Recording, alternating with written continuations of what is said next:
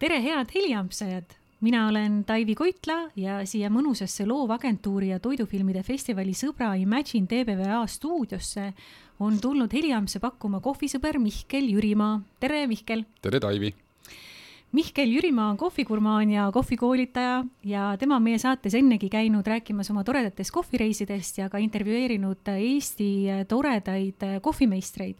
ja kindlasti soovitan kuulata kõigil neid saateid järele, kes ei ole veel neid saateid kuulanud, hästi mõnusad, muhedad, harivad saated aga täna oleme tulnud siia heliampsama või siis meie teemat arvestades lonksama põhjusel, et kuulata su muljeid kahe tuhande kahekümne kolmanda aasta reisidest. ja nimelt käisid sa eelmisel aastal lisaks kõik muudele, kõikvõimalikele toredatele seiklustele, mis sa kindlasti oma eraelus ette võtsid, ka, ka sellistes kohvipiirkondades, mis on siis maailma kohvi tootmise mahtude poolest top teisel kohal nagu Vietnam on ja kolmandal kohal nagu Kolumbia on. ja samas jällegi kohviekspertide kvaliteedipingereas äh, top kümnesse Vietnam ei mahu ja Kolumbia on seal neljandal kohal ja esimesel kohal on Etioopia, teisel on Keenia ja kolmandal on Uganda hmm.. nii et äh, alustame siis õige sellest, et mis sa sellest pingereast arvad? no, mitte nüüd mahtude osas, seal ei ole midagi arvata. jaa äh,, eks ta subjektiivne ole mm, -hmm. äh, aga suures pildis ma ütleks, et ma nõustun, Uganda võib olla natukene üllatav, ma olen saanud küll head Ugandat, aga ma julgeks öelda, et Ladina-Ameerikas on veel riike, kelle nii-öelda maitseprofiil mulle rohkem meelepärane on kui Uganda.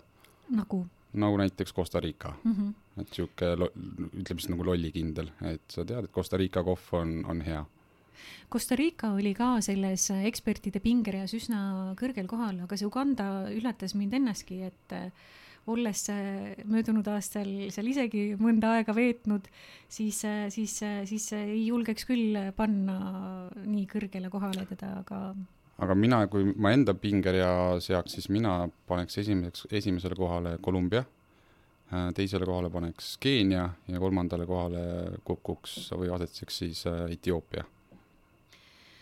aga see on, äh, see, sa ju Etioopias ei ole käinud, on ju? ei ole. nii, sinna tuleb minna, sest kui ma õigesti olen aru saanud, nüüd sa saad mind jälle parandada, sest et ma avastasin selle fakti ühe mm, sotsiaalmeedia kohvi äh, onu äh, profiililt ja ma ei kontrollinud selle fakti tõele vastavust, nii et sa saad mind kohe parandada, et, et kohvikultuur ongi siin planeedil alguse saanud Etioopiast. just, täpselt mm -hmm. nii. No väga tore, aga enne kui me läheme äh,, enne kui ma hakkan sind pinnima mm -hmm. erinevate küsimustega, siis kuulajatele räägin, et äh, Mihkel tuli meile siia stuudiosse, oma varustus oli kaasas ja pakub äh, Kolumbia kohvi, nii et kui vahepeal läheb hääl ära, siis see on sellest, et me joome kohvi. kohv natukene kuivatab kurku aga muidu on täiesti naudingut äh, väärt, et äh, Mihklil on siin eriti värvikas tass ka, et kahju kohe, et, et me ei tee seekord videot ja pilte ei näe, aga aga äkki sa räägid paari sõnaga, miks sa just seda kohvi otsustasid pakkuda siin salvestuse eel ja, ja, ja mis selle kohvi ostu lugu või, või, või taust on ähm,? vot ma julgen arvata, et enamus kohviekspertide jaoks on üks sihuke enim äh, hinnatud äh, araabika sort siis Gesha, mis äh,, mida väga laialt ei äh, ole kätte saada. kuidas seda kirjut-, kirjutatakse äh,? G, E, S, H ja A mm.. teatakse ka kui geishat mm, -hmm. aga tegelikult õige nii-öelda keelekasutus on siis äh, geisha. ja ta on oma maitselt siis äh, hästi eriline, seda on noh, võib-olla natuke niimoodi, ta on praegu kirjeldan üldsõnaliselt, et eriline, aga, aga kui sa seda ise ka praegu proovid, siis ma usun, et äh, see on selline võib-olla mitte igapäevakohv, et mida, mida juua. pidupäevakohv. pidu, pidupäevakohv jah, just. ja on äh, riike, kes seda, seda siis kasvatavad, et äh, mul isegi tegelikult Vietnamis äh, küll proovida ei äh, õnnestunud, aga ma sain geisha kohvimarja proovida mm., mis oli väga äge äh, kogemus minu jaoks aga enne kui me läheme minu küsimuste juurde, äkki sa räägid siis sellest äh, geisha marja proovimise loost ka lähemalt mm. -hmm.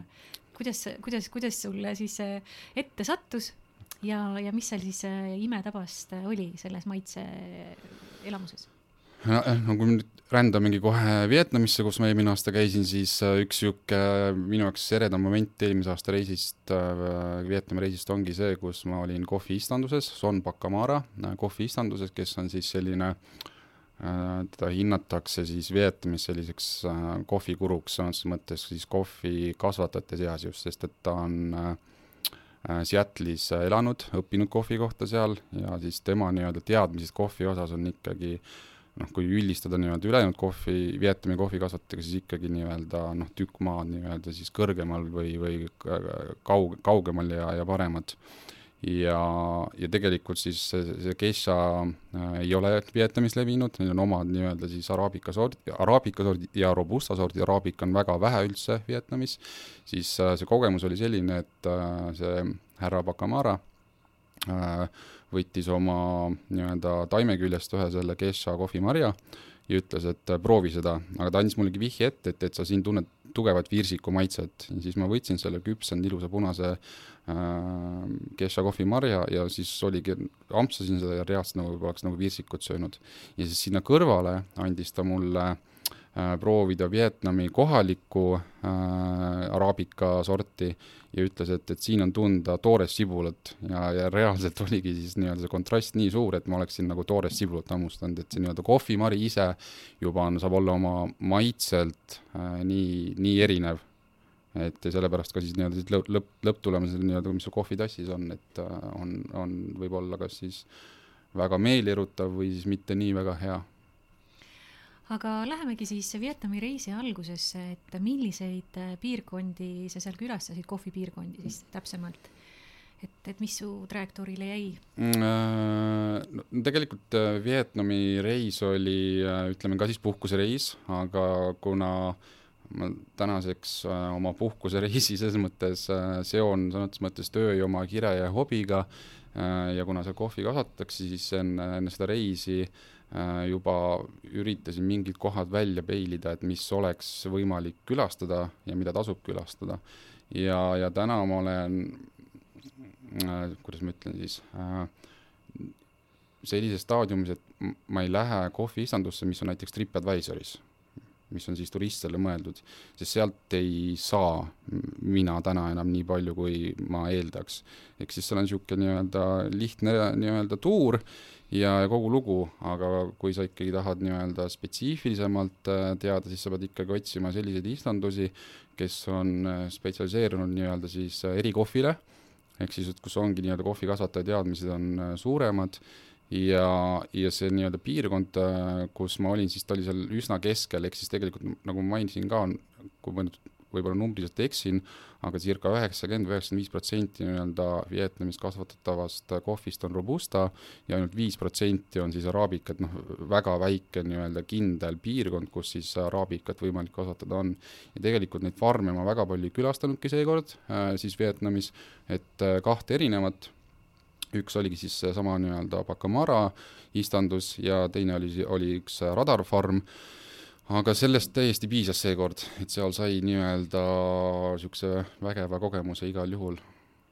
kas sa avastasid seal enda jaoks võrreldes teiste niinimetatud kohviriikidega täiesti uut ka või kas või selles äh, kasvatamises või meetodis, kuidas nad seal, kas nad kui me, kui, kui me eelmine kord rääkisime sinu äh, Rwanda ja Uganda reisidest mm, -hmm. siis sa mainisid seal, et, äh, et koha peal eriti ei rüstita, rüstitakse mujal ja kohalikud väga kohvi maitsetest äh, palju ei tea mm -hmm. ja mhm. õigesti kohvi valmistamisest ka, et kuidas selle võrdlusega Vietnamis on? see on jah, teine, teine asi, et, et nii nagu nende istandustega, et samamoodi, et kui ma lähen äh, Äh, riikide pesikalm päritolumaa, siis ma kindlasti otsin kohad, kes nii-öelda on väga fokusseerunud kohvi valmistamisele ja ma tean, et baristad seal nii-öelda teevad hingega, siis samamoodi Vietnamis äh, ma otsisin välja kohad, kes siis pakuvad äh, Vietnami kohvi, võib-olla isegi impordivad kuskilt, aga siis nii-öelda pakuvad midagi väga erilist.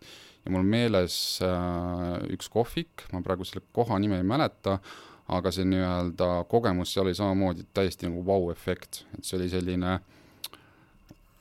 kus piirkonnas siis? see oli linnas sees täiesti. Äh, kas ma õigesti mäletan, äkki oli Hanois mm.. aga lihtsalt äh, ilma ootusteta läksin, noh, natuke lugesin selle kohta, eks ole, see kogemus oli siis selline, et sa läksid sinna sisse, üleni valge kohvik äh,, klassikaline muusika mängis ja need baristad töötasid noh, heas mõttes nagu robotid, et see oli kõik nagu nii mõõdetud ja nagu nii täpne, et seal ei jäetud mitte midagi juhuse hooleks. ja selle kohviku tegi eriliseks see, et äh, neil oli väga palju signatuurjooke, mida nad siis ise nii-öelda olid välja mõelnud ja Vietnamis üldse on tegelikult äh, pigem see kohvikultuur selline, et juuakse pigem väga palju jääkohvi, et kuuma kohvi nii palju ei jooda. ja need kohvid, äh, mida ma proovisin, need jääkohvid, erinevad signatuurjoogid olid no oma maitselt nagu väga-väga ägedad. et mitte selline nii-öelda selline jääkohv, mida võib-olla me ette kujutame, et on seal törts piima ja natukene mingit siirupit ja siis espresso, vaid seal oli ikkagi nii-öelda vaevnähtus oli mingi neli-viis erinevat komponenti ja see maitse oli niisugune nagu vau wow mis need äh, nii palju komponente, mis seal siis, äh, mis nad seal korraldasid äh,?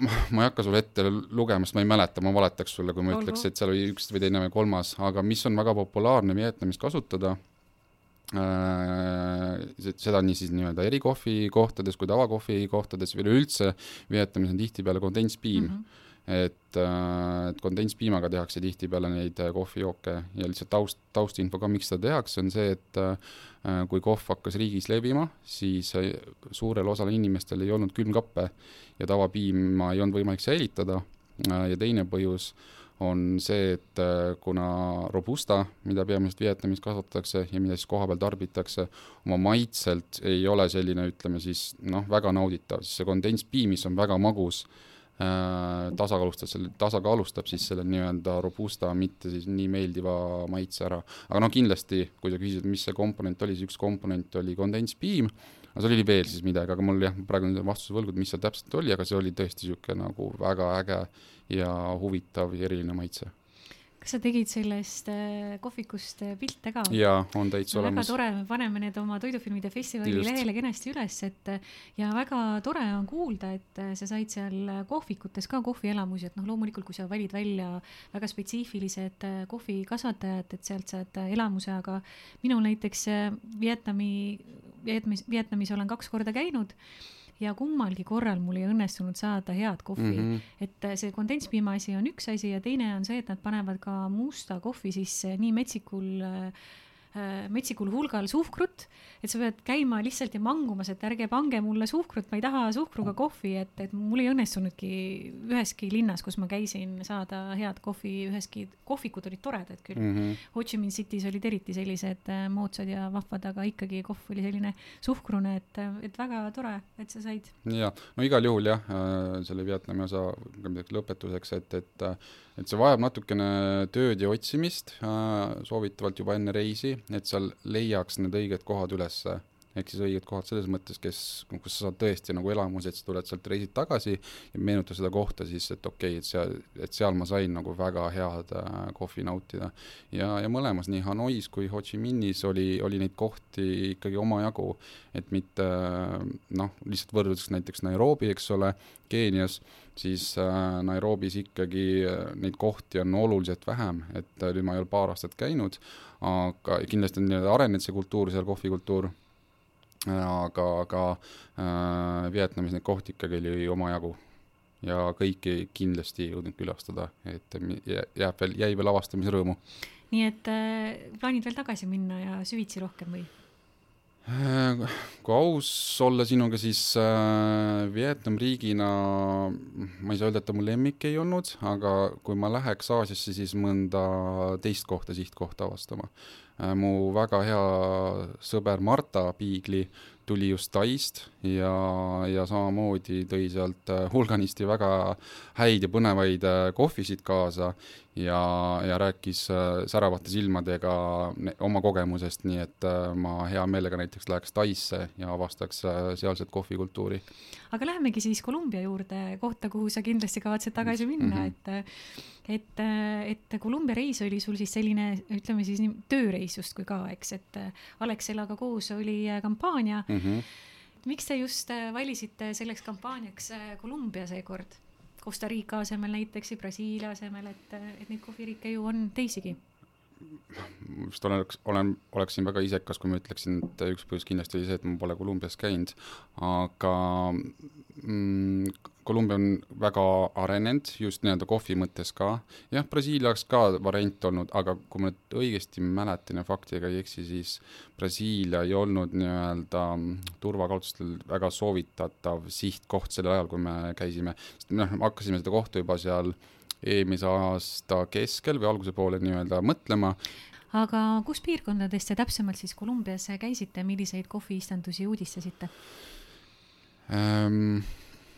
Peamine, peamine piirkond oli Armeenia piirkond, selline nii-öelda siis oli piirkonna nimi, mis siis asus Bogotast, mis on siis pealinn, äh, tunni aja kaugusel lennukiga siis lennates. et äh, seal kahte erinevat äh, kohviistandust ja mm, need kohviistandused tegi eriliseks see, mis ma tooksin kohe välja, on see, et et äh, Kolumbia reisi puhul oli siis äh, minu jaoks selline võib-olla üks osa, mis nagu avardas hästi silmi, on see, et, et kui arenenud on kohviturism äh, Kolumbias võrreldes teiste riikidega, kus ma käinud olen, ehk siis võrdluses näiteks Aafrika erinevate riikidega või siis Vietnamiga ja mida ma pean silmas kohviturismi all, on see, et, et sul on hotell mis on väga hea hotell, suurepärase toiduga, kohaliku toidukultuuriga ja sul lähed oma hotelli akna peale või terrassile ja sul on noh, lummav vaade lihtsalt ja kohvitaimed on sealsamas kõrval. pluss siis nii-öelda töötlus, ehk siis nad töötlevad seda kohvi sealsamas ja, ja tagatipuks siis äh, saad sa seda nii-öelda kohvi sealt siis osta ka et äh, see kohv, mida me küll täna joome, ei ole sealt nii-öelda istandusest, aga ma ostsin sealt noh, erinevaid nii-öelda siis töötlusvii-, meetoditega kohvisid kaasa. sul oli ju, äh, kas see oli Ugandas või Rwandas, kummas see oli, Ugandas vist? või oli Rwandas oli see kogemus, et oli ka hotelli aknast vaatasite välja ja kohviistandus oli ja hotellis oli ainult lahustav kohv või? Just, täpselt, äh, see oli hoopis äh, Keenias aga täpselt just, et, äh, et selline nii-öelda erinevus, et Aafrika riikides on ta ikkagi nagu täiesti lapse kingades alles. et no hästi üldistades, eks ole, et kindlasti on, on kohti ja võimalusi, kus saab seda teha, aga just mul jah, see Keenia näide on sul tõesti väga hea, et, et sul on nagu väga hea hotell, aga hommikusöögis oli siis tõesti lahustav kohv ja reaalselt nagu üle tee sellest hotellist oli siis kohviistandus, kes siis kasvatab kohvi, eks ole aga kas see, kui ma õigesti kuulsin, Armeenia oli selle mm -hmm. piirkonna nimi, kas Just. see oli ainukene, kus te käisite Kolumbias või külastasite mõnda istandust veel? Äh, no tegelikult ühte külastasime veel, äh, see siis oli äh, pealinnast Bogotast see oli ka sihuke naljakas lugu selles mõttes, et äh, see oli niisugune hea reality check äh, ummikute osas, et äh, kui sul Tallinnas tundub siin tipptunni ajal, kui suvel oli ka kas või linn kinni, et oh my god, ma olen ummikus ja ühe linna otsast teise võtab aega, siis see nii-öelda istandus, mida me seal Bogota lähedal külastasime, asus siis no suurusjärk seal sada kilomeetrit eemal, isegi alla selle, ja me läbisime seda vahemaad kuus-seitse tundi sest et lihtsalt autosid on nii meeletult palju, Bogotas elab üksteist miljonit inimest, nii et niisugune oma, oma, omajagu katsumus sealt välja saada, aga see samamoodi, äh, see koht, äh, mida me külastasime, oli jälle samamoodi nii-öelda spetsialiseerunud siis erikohvi kasvatamisele, hotell täiesti maagilises äh, kohas ja, ja see, see piirkond ise võib-olla mm, ei, ta ei ole otseselt kohvipiirkond, aga kuna nii-öelda kõrgus soosis, siis oli võimalik seal äh, kohvi kasvatada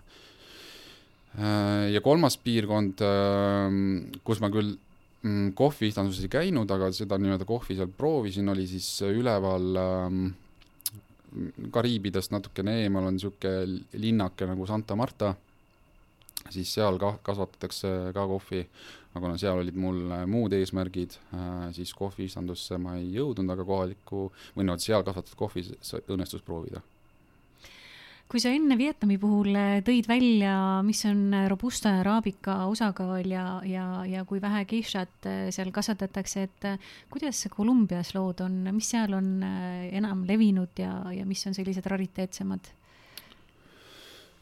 Äh, no Kolumbias kasvatatakse ainult äh, araabikat, minu teada seal äh, robustat üldse ei kasvatata. Ja tegelikult äh, Kolumbia puhul on siis see, et Kolumbia on suur riik, aga nii-öelda see kohvi kasvatamise piirkond on nii-öelda noh, kas just väike, aga teatud piirkond siis andid, Andide mäeosa nii-öelda, kus on võimalik kasvatada, mis on siis merepinnast piisavalt kõrge, et ülejäänud riik on lihtsalt nii madalal, temperatuur on nii kõrge, et seal kohvi äh, ei kasvatata. ja, ja miks ma tõin enne välja, et kui äh, nii-öelda oma selle järjestuse, et äh, et äh, miks mulle Kolumbia kohv äh, lemmik on, on sellepärast, et seal lihtsalt on nii palju üllatusi võib sul olla varuks too mõni näide äh,. no kõige hilisem näide on selline, et üks äh, kohv, mille ma kaasa ostsin Äh, okei okay,, ma lähen natuke tagasi, ma läksin äh, Kolumbias, äh, Bogota pealinnas, läksin kohvikusse, mille nimi oli Tropicalia, noh, juba sisse minnes said aru, et okei okay,, on nagu väga hea koht, siin antakse kohvi teha, et, et see nii-öelda kogu atmosfäär, baristad, kes seal töötasid, töötasid väga hästi. ja ma tellisin äh, Äh, siis kaks äh, erinevat kohvi filtermeetodil, siis üks neist oli Kesha, äh, mul olid kohe Keshale ootused, sest et noh, Keshad, nagu ma enne mainisin, ei mm, -hmm. ei saa igalt poolt nii-öelda mm -hmm. kätte. ja teine siis oli äh, Pink Bourbon äh,, siis roosa Bourboni äh, araabika sort. ja kui need kohvid lauda toodi, ma proovisin esimesena Keshat, see oli hea, aga see ei tekitanud vau-efekti. kui ma seda teist kohvi proovisin, mõtlesin, et no jesus christ et see, see, see ei ole Kolumbia kohv, et see, see ei ole võimalik, see lihtsalt, see oli nii mahlane nagu, nagu tõesti Aafrika kohvile sarnane. Ja, ja, ja kes äh, sama ütles äh,, käisin äh, kapingut tegemas, pakkusin äh, Bricki, The Brick Roastery äh, tüüpidele ka äh, Kolumbia kohvis degusteeri-, degusteerida, siis nendel oli samamoodi, et okei okay,, et see on täpselt nii-öelda SL kakskümmend kaheksa, mis on Keenias üks enim kasvatatav kohvisort et samamoodi, et äh, tõid paralleeli siis nii-öelda Keeniaga, mis oli siis oma maitselt nagu sihuke mustsõstrane, sihuke hästi moosine hästi,, hästi-hästi siukse mõnusa maitsega. ehk siis, et kuna veel kord, et Kolumbia kohv saab olla nagu väga erinev, sihuke tüüpika äh,, tüüpi äh,, klassikaline Kolumbia kohv mm, -hmm. mis on väga hea, sihuke pähkline, tasakaalus, mitte väga kõrge happuseisuga, aga samas sa leiad siukseid nii-öelda pärleid, mis siis on siuke nagu, et okei okay,, et vau, et see on nagu tõesti midagi väga-väga erilist ja lisaks äh, nad julgevad katsetada, et äh, mul meenub eelmise aasta äh, London Coffee Festivali külastus, kus ma ostsin kaasa siis Columbia kohvi, mida oli fermenteeritud maasikatega. Ja võib-olla nüüd esmakõlaga kõlab, et niisugune läila aga see oli noh, super, see oli niisugune mõnus tasakaalus, ei olnud niisugune nagu magus äh, vastik maasika maitse sealjuures, vaid niisuguse natukene niimoodi tundsid ja super, no muidugi kallis ka. ja, ja kohvide koha pealt, äh, kui, kui nendest nii-öelda kohvikutest juba juttu oli, siis kõige kallim kohv, mida ma siis Kolumbiast kaasa ostsin, oli ähm, oli pärit ühest kohvikust, äh, kohvikust, kus äh, pakuti kohvi ka siis äh, Diego Campos kohvisi, kohvisandust kohvisid, Diego Campos on siis barista, kes võitis barista maailmameistrivõistlused. Ja seal üks kohv, mille ma kaasa ostsin, mille barista mul siis sõna otseses mõttes maha müüs, maksis sada grammi, oli see nii-öelda väike pakk, no see oli pakend ja kõik see story oli seal nii palju oli juures mm, -hmm. aga sada grammi maksis viiskümmend eurot mm. -hmm. nii et kilo hind siis äh, viissada eurot. nii et kilo ei ostnud siis jah? kilo ei ostnud jah, aga kahjuks see kohv oma maitselt äh, ei olnud oma hinda väärt, ta oli hea, aga ta ei olnud midagi sellist, et oleks nüüd silmi pimestavalt suurepärane olnud kuuldavasti te külastasite Kolumbias äh, veel äh, põnevaid kohti lisaks juba eelmainitule, mis sa mainisid, äh, Bogota ja siis Armeenia ja siis Santa Marta mhm. midagi, midagi mis need teised kohad olid ja mis te seal tegite ja mis seal toredat avastasite? üks nendest kohtadest oli siis Seni Cafe, mis on siis Kolumbia kohviuuringute keskus mm mis oli siis äh, minu jaoks ka niisugune väga põnev ja silmi avardav äh, külaskäik. ja miks ta põnev oli, oli sellepärast, millega nad seal tegelevad, ehk siis, et äh, me saime siis äh, kaks erinevat siis presentatsiooni või nii-öelda ülevaadet, üks äh, naisterahvas rääkis sellest äh,, millega tema tegeleb, ehk siis, et äh, mis nende igapäevatöö on. Ja nende igapäevatöö siis peamiselt ongi kohvitaimede haiguste uurimisega, et kuidas neid ennetada.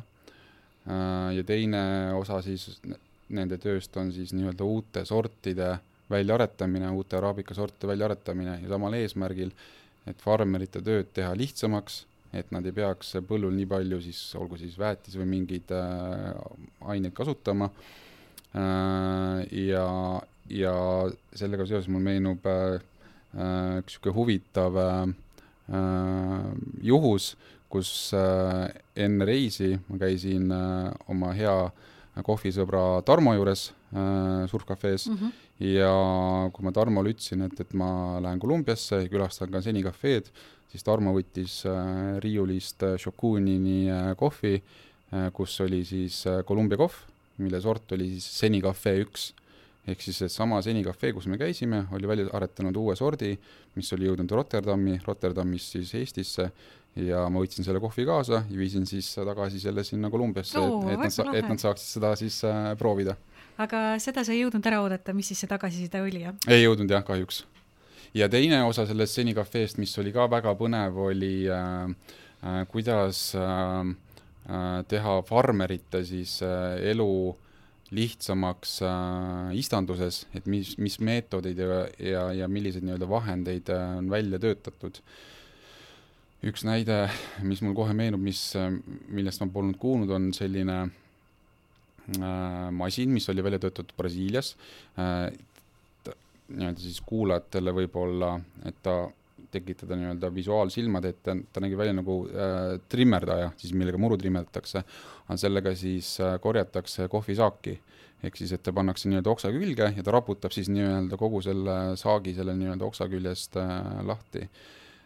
Noh, küsin, mis selle hind on, äh, kui ma õigesti mäletan, öeldi viissada eurot, ehk siis loomulikult on kallis nii-öelda kõikidele kohvikasvatajatele, eks mm -hmm. ole, et ta ei ole see, et, et seda nüüd suure hurraaga hakatakse ostma mm. -hmm. aga seal oli veel äh, erinevaid põnevaid ähm, tegureid. mul on siin üks asi äh, kaasas ka, mida ma, mida ma saan sulle täitsa näidata küll või pärast võib-olla pildina, et äh, on selline nii-öelda siis ketas äh,, mis aitab siis kohvikorjajatel äh, teha Äh, kindlaks, millisel momendil nad peavad selle kohvimarja ära korjama, et milline, millal on see küpsusaste selle marja jaoks äh, kõige õigem. ja pluss veel noh, lõpetades nii-öelda siis nende masinateni välja, mm, äh, millega siis töödeldakse kohvi, et kui palju kulub äh, vett täna äh, teatud nii-öelda kohvi töötlemiseks. Ja need masinad, mis on välja töötatud, on see nii-öelda vee hulk äh, oluliselt väiksem nii-öelda töötlemiseks, pluss siis ka nii-öelda elekt-, elektri nii-öelda osakaal on see oluliselt väiksem. ehk siis kõik niisugused asjad nii-öelda, mis, millega nad siis igapäevaselt tegelevad, siis nii-öelda tahavad juurutada siis nii-öelda Kolumbia kohvikasvatajatele igapäevatöösse. Sa oled nüüd omajagu kohviriike külastanud, kuidas, kuidas, kuidas seda võrdlusbaasi, noh muidugi raske on võrrelda, et see, kõik riigid on erinevad, eks mm. -hmm. ja juba sa kirjeldasid põnevaid, huvitavaid nüansse, mida sa mujal ei ole kogenud, aga kuidas sulle tundub, kas, kas see Kolumbias nähtu, mis puudutab äh, kohvi äh, kultiveerimist ja kõike seda korjet ja, ja kõike muud turundamist ka sinna juurde, et kas, kas, kas see on siis olnud senistest kogemustest kõige kõrgema tasemega? Ma julgeks öelda küll, jah. ja veel üks fakt siia vahele, kui sa juba korjatest rääkisid, mis mulle meenus, et äh, õnnestus ka, tegelikult ta hakkas novembri lõpus, seal hakkas tegelikult juba vaikselt hooaeg lõppema, vähemalt see istandus, kus me Hacienda, Hacienda kohvifarm, mida me külastasime, hakkas äh, hooaeg lõppema, aga meil õnnestus ka näha äh, siis kohvi korjamist. ja lihtsalt see nii-öelda võrdlusmoment, et noh, tänaseks kindlasti kindlasti on palgatase näiteks Ge-, on Keenias natukene juba parem, ma tahaks loota äh, keskmisele kohvikorjajale, äh, aga suurusjärk, suurusjärk ikkagi on seal noh, kaks-kolm eurot, et on, mis on ikkagi, eks ole, vähe. aga lihtsalt pa-, nii-öelda võrdlusmomendina Kolumbias äh, enamus kohvikorjajad on nomaadid, kes siis nii-öelda, kui on hooaeg rändavad siis nii-öelda ühest piirkonnast teise, aga kui on nii-öelda off-season, äh, siis isegi rändavad nii-öelda teistesse Ladina-Ameerika riikidesse.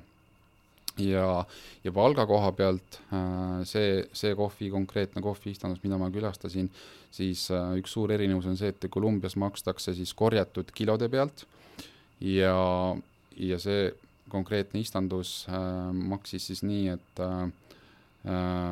ühe korjatud kilo pealt, kohvimarjade kilo pealt on siis üheksasada peesot, mis on siis äh, kakskümmend eurosenti ehk siis sada kilo kohvimarju võrdub äh, kakskümmend eurot, on siis nii-öelda siis äh, see tasu. kui palju sa kohviriike tänaseks külastanud oled, viis, mina saan viis kokku, kas ma saan õigesti kokku? Keenia, Uganda, Rwanda, Tansaania, Costa Rica oh,, Vietnam, Kolumbia. Se-, seitse siis? Kui sa nüüd neid seitset peaksid reastama mm, -hmm oma lemmikute järgi. kõigepealt äh, reastada, ma lasen mitu pingerida sul teha. Äh, sa ei pea kohe tegema kõikide, kõige, kõige seitsmega, teeme siis äh, top kolmega. et kui me võtame näiteks maitseelamuste poolest, mis sa oled kogenud seal kohapeal avastades mm, -hmm. mis oleks see sinu top kolm nendest seitsmest? no kindlasti esimesel kohal Kolumbia, kõige parem ilmekam näide on see, et tagasi Eestisse reisides enamus minu pagasist moodustus kohv erinevatest äh, kohvikutest ja, ja kaasa arvatud ka siis äh, nendest nii-öelda kohviistandustest äh,. teisel kohal äh, ilmselt äh, Vietnam ja Vietnam sellepärast, et need kohvikud, mida ma külastasin, sealt oli võimalik leida tegelikult nii-öelda ägedaid ja erilisi kohvisid ja, ja kolmandal kohal siis äh, on äh, Keenia ja Keenia sel samal põhjusel, millest me enne ka põgusalt rääkisime, et kuna seal lihtsalt täna ei ole veel nii arenenud see nii-öelda kohalik kohvikultuur, et sa saaksid sellise nii-öelda maitseelamuse, noh, sa, sa võid osta, eks ole, kõikidest riikidest nii-öelda siis seda koha peal äh, valmistatud kohvi äh,, röstitud kohvi äh,, aga kui ta on selline tume röst lihtsalt, siis noh, selles mõttes päeva lõpuks ei ole vahet, kas ta on, on ta Keenia või Vietnam või, või Kolumbia, eks ole, et need ei anna midagi, et annavad need isiklikult mulle, kes on ikkagi, kus sa saad selle nüüd pakendi pealt lugeda, selle kohvi kohta, mis maitseomadusi seal on, mis töötlusviis. Ja lihtsalt äh, täna on olukord selline, kus Kolumbias sul on võimalik nii-öelda valida äh, Kolumbias, Bogotas on suurusjärk umbes kakskümmend kuni kolmkümmend erinevat nii-öelda siis specialty või erikohvi kohta, mis on nagu meeletult suur. et äh,, et sul seda valikut lihtsalt jagub ja sama siis ka, eks ole, Vietnamis. et äh, noh, Keenia kohv on oma maitselt hea, aga neid häid maitseid ma olen kogenud ikkagi siin Euroopas, kus on siis nii-öelda kohalikud äh, rüstinud selle äh, jutu peale mul korraga turgatas äh, paar fakti ja ma pean nüüd natukene lunastama oma äh, varasemalt öeldud Vietnami kohta, et mulle tuli just samal ajal, kui sa kõike seda kirjeldasid, meelde, et tegelikult kuigi ma näiteks Ho Chi Minh City's ja veel mingites kohtades Vietnamis sain pigem nagu mitte fantastilist kohvi proovida, siis sellises armsas linnakeses nagu Hoi An mm. -hmm ja, ja siis ka sellises eh, nii-öelda turismipiirkonnas ja kuurortlinnas nagu Danang eh, ma ikkagi sattusin kohvikute otsa, kus ma sain eh, mittemagusat ja väga kvaliteetset mm -hmm. kohvi ja ma ostsin sealt kaasa ka kohviube ja siis nii Eesti mõistes päti kohvi tegemise atribuute, mille ma siis kingi-, kingituseks sõpradele tõin, et et jaa, et ma natukene lunastan seda eelnevat kriitikat mm, -hmm. et mhm. tegelikult jäi mulle teile ka. aga tulles tagasi nüüd sinu pingerea juurde veel mm, -hmm. siis, siis praegu sa kõnelesid siis maitseelamuste poolest, aga kui vaadata siis sellist ja seda sa jõudsid ka kom kommenteerida, et Kolumbia oli siis äh, nii-öelda kohviturismi mõttes äh, kindlalt äh, topis mm. -hmm. aga, aga kui nüüd rääkida sellise reisi tervikelamuse kontekstis, et mis sa siis seal esimeseks kolmeks sellest seitsmest välja tooksid? oi, see on juba, see on juba suurem väljakutse ja keerulisem, kuna ma olen suur loomasõber siis kindlasti Aafrika riigid on äh, väga kihvt nii-öelda sihtkoht äh, just selle koha pealt, et üks mälestusi Uganda reisist ongi just seesama gorilla safari, millest me eelmine kord ilmselt rääkisime, aga noh, kuna Kolumbia ikkagi on nii värskelt meeles ja, ja minu viimane reisi osa oli Lost City või kadunud linna siis nii-öelda matk äh,, neli päeva siis äh, vihmametsas, siis noh, samamoodi nagu kirjeldamatu elamus, et see keskkond, need hääled, helid, see rohelus on täiesti nagu sõnu kirjeldamatult vägev kogemus. Vietnamis võib-olla nii palju siis loodusesse ei sattunudki, aga aga, aga tervikuna siis ma ikkagi mm, võib-olla asetaks praegu endiselt Kolumbia esikohale, üks põhjus selleks kindlasti on ka toit, et ma pean aus olema, siis Vietnami toidukultuur ei tekitanud minus vau-efekti. ta oli küll hea, aga kuna meeldib nii-öelda Aasia toidu puhul meeldib vürtsik, vürtsikas toit, siis ma ei saanud seal sellist nagu väga ägedat nii-öelda korralikku toiduelamust. Kolumbia nii-öelda toiduelamuse ma sain nagu mitmes erinevas kohas Aafrika toiduelamusega on äh, nii ja naa, seda sa vist äh, võid, võid ise ka kinnitada, et seal võib leida neid pärleid, aga pigem on ikkagi äh, keeruline sa käisid viimati äh, minuga kohviteemadel lobisemas äh, stuudios rohkem kui aasta tagasi mm. -hmm. mis on selle perioodi jooksul sinu maitse-eelistustes muutunud ja kas üldse? ma arvan, et ei ole, selles mõttes ma olen endiselt ikkagi sellise mm, hästi avatud meelega, et mulle meeldib proovida hästi palju erinevaid maitseid ja kogeda, et äh, endiselt kodus teen ikka endale filterkohvi, ei ole endale käpamasinat äh, koju soetanud või mõnda täisautomaatset äh, espressomasinat, et äh, ikka veel äh, selles mõttes avastan äh,, proovin erinevaid maitseid ja, ja huvi ei ole kadunud ka nii-öelda nende nii-öelda päritolumaade vastu, et, äh, et äh, sealt õppida, kogeda ja siis Eestis läbi end-, ise nii-öelda oma koolituste siis seda nii-öelda neid teadmisi edasi anda kui ma õigesti mäletan, siis sa toona mainisid, ma muidugi seda kohvisorti ei mäleta mm -hmm. ega ka tootjat mitte või siis, või siis seda, kes, kes siis seda edasi müüs, aga sa mainisid toona, et sa said täiesti rabava elamuse Norras, Norras mm -hmm. ühe, ühes kohvikus kas, kas Tim Vendelboe kohvikus. et kas see on jätkuvalt sul esikohal? ja, ja see, seda, see, see on mul, see ei ole muutunud mul eelmise aasta äh,, eelmise aasta mm, elamustest küll ühtegi konkreetset välja pole tuua, aga noh, see äh, jälle võib-olla kirjeldab seda, et, et eelmise aasta üks ka sihtkohtadest, kes ei ole küll kohv, nii-öelda kohvikasvataja maa, on Põhja-Makedoonia ja tegelikult Põhja-Makedoonias äh, leidsime siis kohviku, kes äh, pakkus äh, väga kvaliteetset kohvi.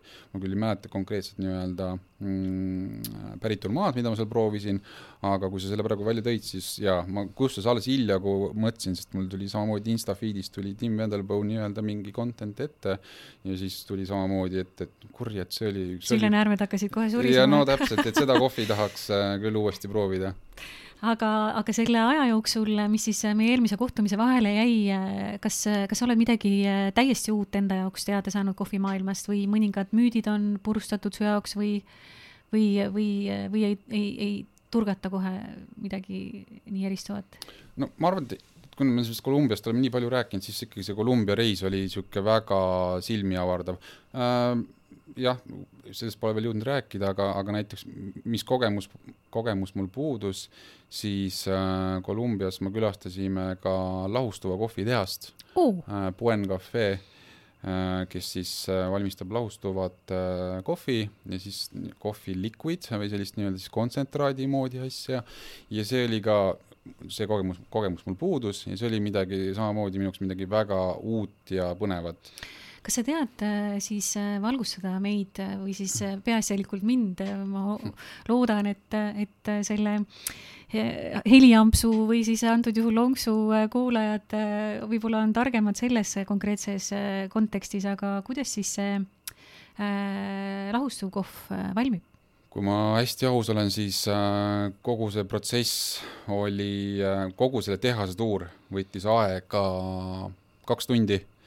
Ja seal oli väga mürarikas äh,, et kõike nii-öelda, kogu seda infot nii-öelda ammutada, aga Mm, nad valmistavad ainult Columbia kohvist, äh, lahustavat kohvi, see konkreetne Buen Cafe, ja, ja põhimõtteliselt siis äh, lahustava kohv, on tegelikult erinevaid meetodeid, aga see konkreetne tehas siis äh, extractive või siis nii-öelda see kohvi ja vee kokkupuuteaeg on neil kümme tundi. äh, on see nii-öelda aeg, kui siis nii-öelda kohv ja vesi omavahel kokkupuutes on, ja siis sellest nii-öelda mm, sellest siis nii-öelda kümnetunnisest nii-öelda äh, kokkupuute ajast siis lõpuks te-, te-, valmistataksegi siis see nii-öelda lahustuv kohv.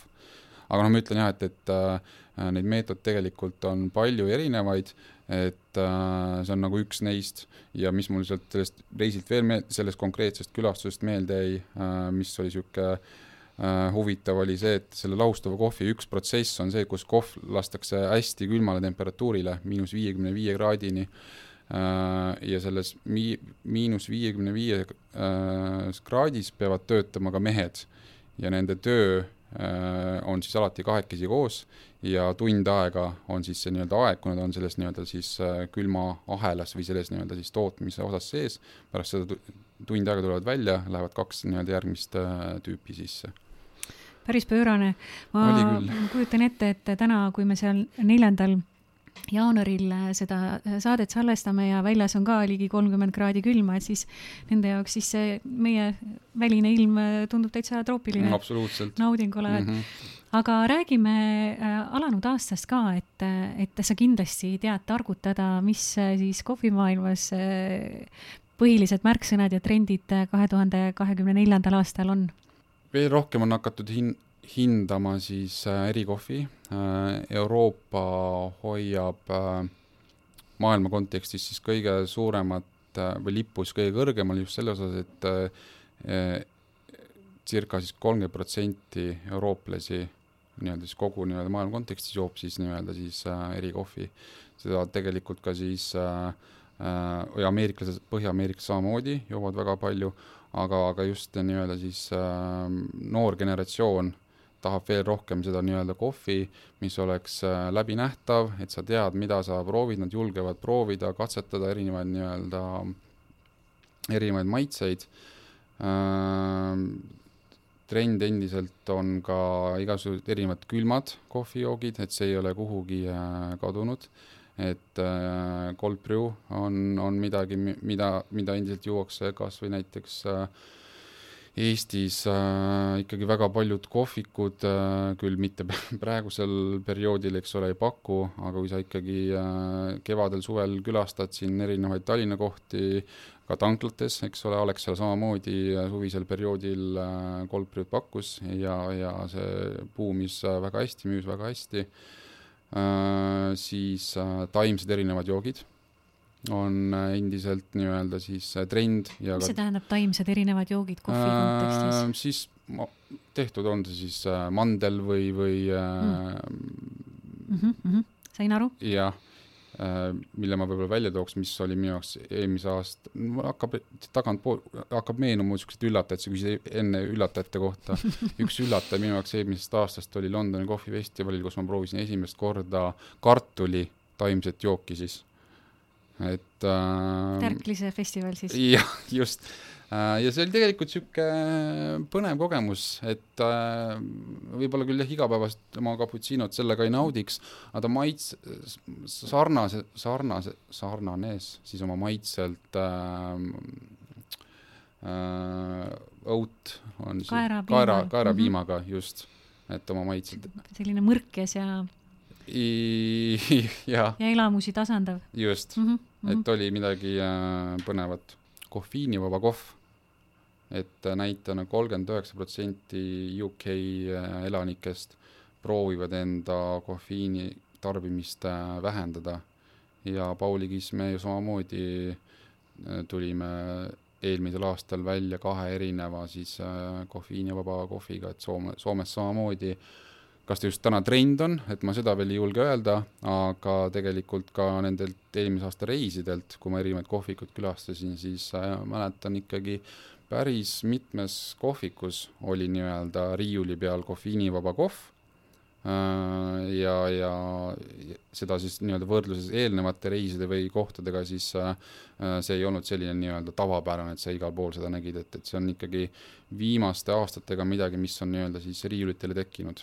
Aga see on samas huvitav, sest et USA-s on see kofeiinivaba kohvitrend olnud juba väga pikka aega ja tavaliselt, kui sealt saab midagi alguse, siis üsna kiiresti valgub see teistesse riikidesse laiali, et päris pika tulemisega on noh, jah, mingid trendid ju tulevad kiiresti ja mingid äh, võtavad aega, et äh, jah, kiiresti, aga tuli näiteks ju TikTokist äh, Dalgonia kohvitrend, eks ole äh,, aga tegelikult see kadus kiiresti, aga samas on mingid trendid, kas või seesama see brew, mis samamoodi tegelikult, eks ole, äh, tegelikult oli siis äh, Ameerikas, Põhja-Ameerikas oli ju noh, ammu juba tarbitakse, eks ole, on niisugune igapäevane toode, aga Eestis nüüd noh, aastaid hiljem ikkagi on, on ta avastatud ja mida siis äh, tarbitakse, sama on see ka just sinu seesama näide, et see nii-öelda Põhja-Ameerikas tarbitakse ammu juba, eks ole, nüüd jõuab siis ka siis äh, meile äh, viibega, et mõned trendid võtavad siis rohkem aega me oleme varem sinuga arutanud, et James Hoffman on üks tore tegelane, kelle tegemisi kohviteemadel on hea sotsiaalmeedias jälgida mm. -hmm.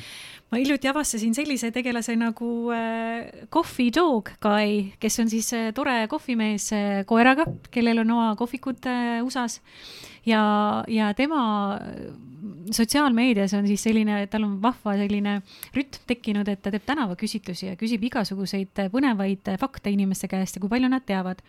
ja sa enne rikkusid küll natukene mu üllatuse ära, aga ma ikkagi küsin selle küsimuse uuesti, et üks küsimus, mis ta küsis äh, tänaval inimeste käest, oli siis, et kummas on nende meelest rohkem kofeiini, kas mhm. heledas mm -hmm. röstis või tumedas röstis, et mm -hmm. mis sa siis arvad, mis need inimesed vastasid?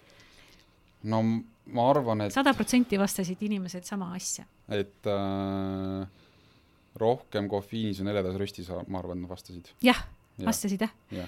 Aga sa juba rikkusid enne ära selle ja ütlesid, et tegelikult see erinevus on niivõrd minimaalne, et, et seda ei maksa üldse esile tuua, aga sellest hoolimata, et sa Mihkel selle ära rikkusid, on see Coffee Joke ikkagi vahva sisu, mida jälgida, et seal on päris meelelahutuslikud ja toredad küsimused. ja siit ma küsin omakorda sinu käest, et keda sina soovitaksid lisaks äh, James Hoffmanile ja siis näiteks sellele, keda sa ei ole veel avastanud, aga ma just mainisin mm -hmm. veel jälgida, kes tahab äh, kohvimaailma uudiste kohta ja põnevate tehnikate ja meetodite ja müütide purustamise kohta midagi avastada, et on sul kohe turgatamas mõni? Mm,? mul jaa, üks turgatab, mida ma ise ikkagi ka tihtipeale loen, ta on küll artikli, ei ole ainult artiklipõhine, tegelikult teevad sotsmeediat nii-öelda pildi näol ka, on, on Perfect Daily Grind. Hmm.. et nendel on ka väga põnevaid siis noh, sõna otseses mõttes seinast seina artikleid alustades farmidest, äh, farmis toimuvast kuni siis nii-öelda tarbijani välja, et millist, äh, milliseid masinaid äh, koju soetada ja kõik sinna vahepeale jääb, et, et neid ma kindlasti, kes äh, tahavad kohvist rohkem teada, siis nende kodulehte ma soovitan nii-öelda külastada ja siis sotsiaalmeediakontot ka. ja teine põnev, mis mul kohe meenub, on, on Spruce, spruce.com või .com, et ja mis, mis nad, nad on väga paljuski spetsialiseerunud siis nii-öelda samamoodi erinevatele linnadele ja sealsetele kohvikutele, kirjeldavad siis, mis elamusi seal saab, aga mis on niisugune põnev, mida nad iga-aastaselt teevad, on, et nad jagavad selliseid siis ütleme, kohvimaailma Oscareid, ehk siis et nad äh, äh, teevad nominatsiooni nii-öelda erinevatele siis näiteks parim röstikoda, parim sotsiaalmeediakonto, parim kohvifilm näiteks äh, ja siis äh, nii-öelda mingis, mingis momendis siis kuulutavad siis nii-öelda võitjad välja. Ja iga aasta on mul endal tegelikult seal omajagu äh, uut avastada, et äh, jälle mingi röstikoda, olgu ta siis Põhja-Ameerikas või Euroopas, kellest ma varem midagi ei teadnud, kes on jälle siis, ma ei tea, olgu ta siis keskendunud näit-, näiteks siis pakendile või mõnele, millelegi muule, et aga ma saan sealt midagi uut enda jaoks äh, teada just läbi nende nii-öelda, kes on siis välja kuulutatud kas võitjana või siis äh, nom-, nominatsioonis. Lõpetuseks kohviväline küsimus, mitu maratoni sa siis tänaseks läbinud oled ka? Kas, olen äkki kolmteist kui ma nüüd õigesti mäletan. ja kas sa pead ka, äh, pead ka arvet, äh, kui palju kilomeetreid sa näiteks viimase viie aasta jooksul kokku oled jooksnud või on sul selline, selline, mitte ainult nende maratonidega, vaid muidu ka ringi lippamisega sportlikus mõttes mm -hmm. on sul, on sul mingisugune selline? mul jah, Strava, kus mul nii-öelda kogu see mm -hmm. nii-öelda content üles läheb, sinna jookseb üles, kui sa nüüd küsid, et kui palju ma aastas jooksen, siis ma jään sulle vastuse võlgu, ma praegu peast ei äh, mäletagi, mis see number on. aga kuhu siis järgmisena nii maratoni mõttes kui ka kohvireisi osas? tead, maratoni osas äh, ma ei ole veel suutnud otsustada, ma tegelikult nüüd tahaks järgmiseks midagi äh, selles mõttes suurt, mõnda mm, lombitagust äh, New riiki, või no näiteks jah, või üks mul niisugune bucket list'is on Hiinas on, toimub äh, Hiina müüri siis äh, suure Hiina müüri maraton mm., kus on, ma ei mäleta, mitu tuhat äh, siis äh, trepiastet, aga siis on, tundub nii põnev ja teistsugune formaat ja, ja sihtkoha osas on äh, jaanuari lõpus on niisugune tore kohake nagu Marrakech, ehk siis et äh, Marokosse. seal küll kohvi ei kasvatata, aga ma juba olen välja vaadanud, et seal saab head kohvi ka. aga, aga kohviriikidest? Äh, meie vestlus algas äh, Etioopiast. Äh, ma täna ei ütle, et ma lähen järgmisena Etioopiasse, aga see on niisugune koht, kuhu ma väga tahaksin minna kindlasti nüüd siin lähitulevikus on ta siis see või järgmine või, või ülejärgmine aasta ja, ja Ladina-Ameerika ka ikkagi uuesti tagasi minna Peruu, Guatemala miks mitte Mehhiko näiteks, et neid kohti on palju, sest me teame, et neid riike, kus kohvi kasvatatakse, on viiskümmend üheksa, kuuskümmend, et seda avastamisrõõmu on veel omajagu. väga tore, aitäh sulle mõnusa lobisemise eest, Mihkel! aitäh kutsumast! ja aitäh ka hea kuulaja ja ka meie staabile, loovagentuurile Imagine TBVA, kelle stuudios me täna salvestasime seda vahvat saadet. ja salvestus toimus neljandal jaanuaril kahe tuhande kahekümne neljandal aastal